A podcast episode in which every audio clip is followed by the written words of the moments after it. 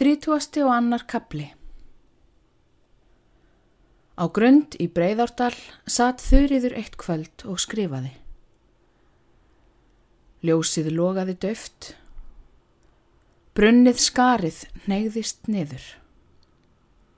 Svo tólkin rann í mjóri línu niður kertið. Staðnemdist á pípufætinum og bólnaði þar upp í dálitlum krömum skildi. Hún satt með pennastöngina millir fingrana og starði. Ekki á brefið, ekki í ljósið nýja þylið gagvart, heldur aðeins út í bláin. Fólkið svaf og hraut í frambaðstofunni og Marja dvaldist í stofunni. Var lengi að búa um sér að svein. Máttu líka vera lengi að því. Allir vildu að hann hefði mjúka rekju. Hann sjálfur, Marja og fóreldrarnir.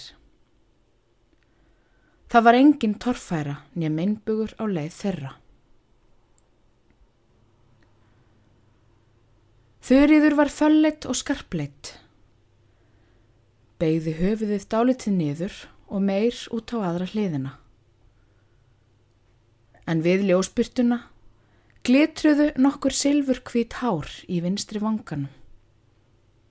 Líkt og hrimperlur á hávaksinni rafnaklöku sem stendur grönn og veikbyggð í gróandanum. En frostsvalur náttvindurinn varpaði sér niður brekkuna í morgunsárinu rann skáhalt frá norðvestri, jamt áfram. Bles á hana og hjælt svo leiðar sinnar, jafn napur og jafn stiltur og áður. Leit kvorki til hægri niður vinstri. Vindsvali þessi var sendisveitn hafísins norðan frá greipum og gaf ekki gaum að smáblómum nýja dalliljum. Hann hugsaði um sjálfan sig og erindi sitt. Laut aðeins hinnum máttuga fornhelga drottni sínum, en hýrti ekkert um veiklega smámunni njö gaf gaum að þeim.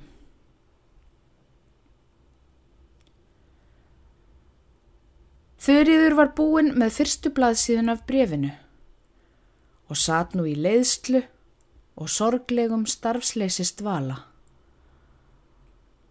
En það sem hún var búin að skrifa hljóðaði þannig. Elskulegi bróðir minn, það er svo dauðans langt að býða eftir brefinu þínu. Þessar örfáu línur í vor sögðu sama sem ekkert. Sumarið hefur liðið með sínum löngu dögum og haustið með sínum löngu nóttum, en aldrei kemur brefið þitt. Ég vonaði að þú skrifaðir fyrri. Hef þráð svo mikið að vita hvernig þið liði. Og þó aldrei fengi þá þrá uppfylta í allt sumar. Brefið mitt er því að sumuleiti skrifað til þess að minna þig á lofvort þitt og einnig til þess að færa þér frettir frá þeim mönnum hér heima sem þið langar til að vita hvernig líður. Það frettist ímislegt vestan úr sveitinni sem ég ekki vil trúa en gerir mig þó svo hrætta og órólega. Það er sagt að þú drekkir mikið og sért ófriðargjarn, að þú sért aldrei gladur og unir engu verki að staðaldri, flegist frá einu til annars. Ég trúi aldrei kviksugum til fulls. Og sísta völlu ef þær eru þér til hnjóðs en það heyri ég þetta bara undir vang og hef því við lítið að styðjast. En ég er þó svo hrætt engum við vínið. Góði besti bróður minn, gættu að þér. Bættu ekki böli á raunirnar okkar og sorgina. Láttu ekki öfundarmenn þína, fá tækifæri á að gleðjast yfir að þú láti reka á reyðanum og leggir árar í bát. Gerðu það fyrir mín orð og innilegustu bænir að bera lífið eins og hetja. Þú sem átt bæði krafta og þreg sem ég hef svo oft glaðst yfir og dáðst að. Þú mátt ekki uppgefast. Manstu eftir gretti og herði, byrni og gísla. Þeir voru líka raunamenn og þó mikilmenni í raunum sínum. Þú hefur sjálfur svo ofta aðstað þeim og lofað á. Vertu mikill og hraustur eins og þeir. Mér langar mest af öllu til þess að sjá þig vera hraustan fullhuga eins og þeir voru. Ekkert myndi gleðja mig jafn mikill og það. Vertu ætið dáðadrengur og þóllindur þó hart blási, elsku bróðir. Ég veit þú getur það og ég trúi þér til þess að reynast ætið mestur þegar mest reynir á.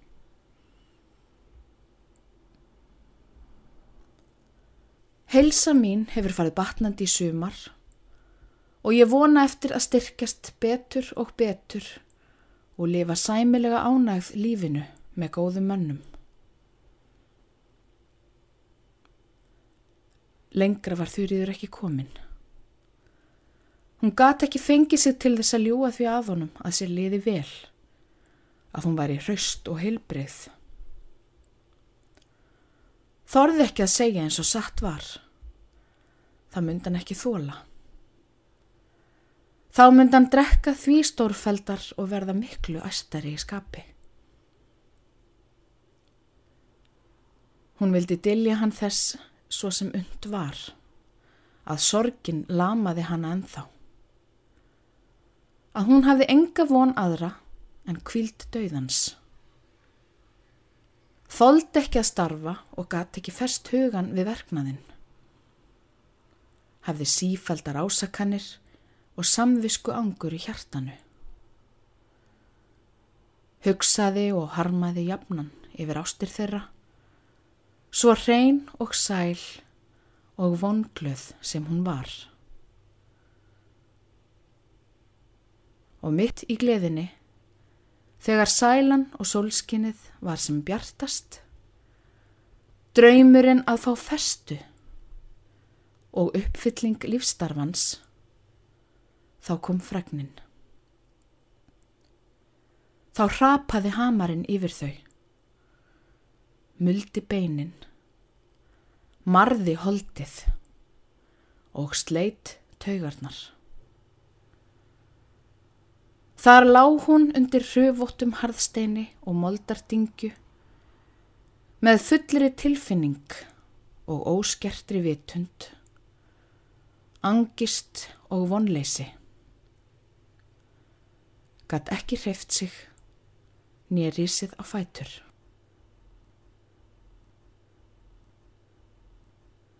Sumarsólinn neyg til viðar og kvarf bak við dalfellið. Þokan kom rjúkandið að norðan, grá og köld, umurleg og myrk. Svipu þessu var lífsbreytingin og svipa þessu hugsaði þurriður þar sem hún satt og starði. Skarið negnýður í tólkina og bretti hanna. Lógið gaus uppsnarkandi, einu sinni, tvísvar, þremsinnum. Logaglæringarnar kvistluðust sindrandi í afar smáar liftrandi glæringstjörnur. Svo dóða. Þurriður kiftist til þegar ljósi dó, en satt síðan reyfingarlaus á stólunum, stutti olbúanum niður á borðið og kvildi höfuðið á höndum sér.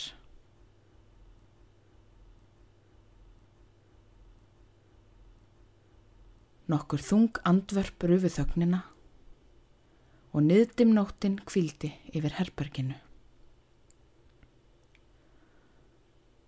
Svona leið laung stund. Þá kom Marja með ljós í hendi.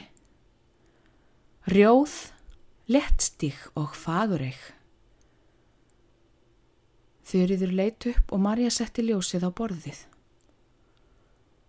lagði hendurnar utanum hanna og dró hanna fast að brjósti sínu eins og barn. Stundarklukkan sló þrjú högg.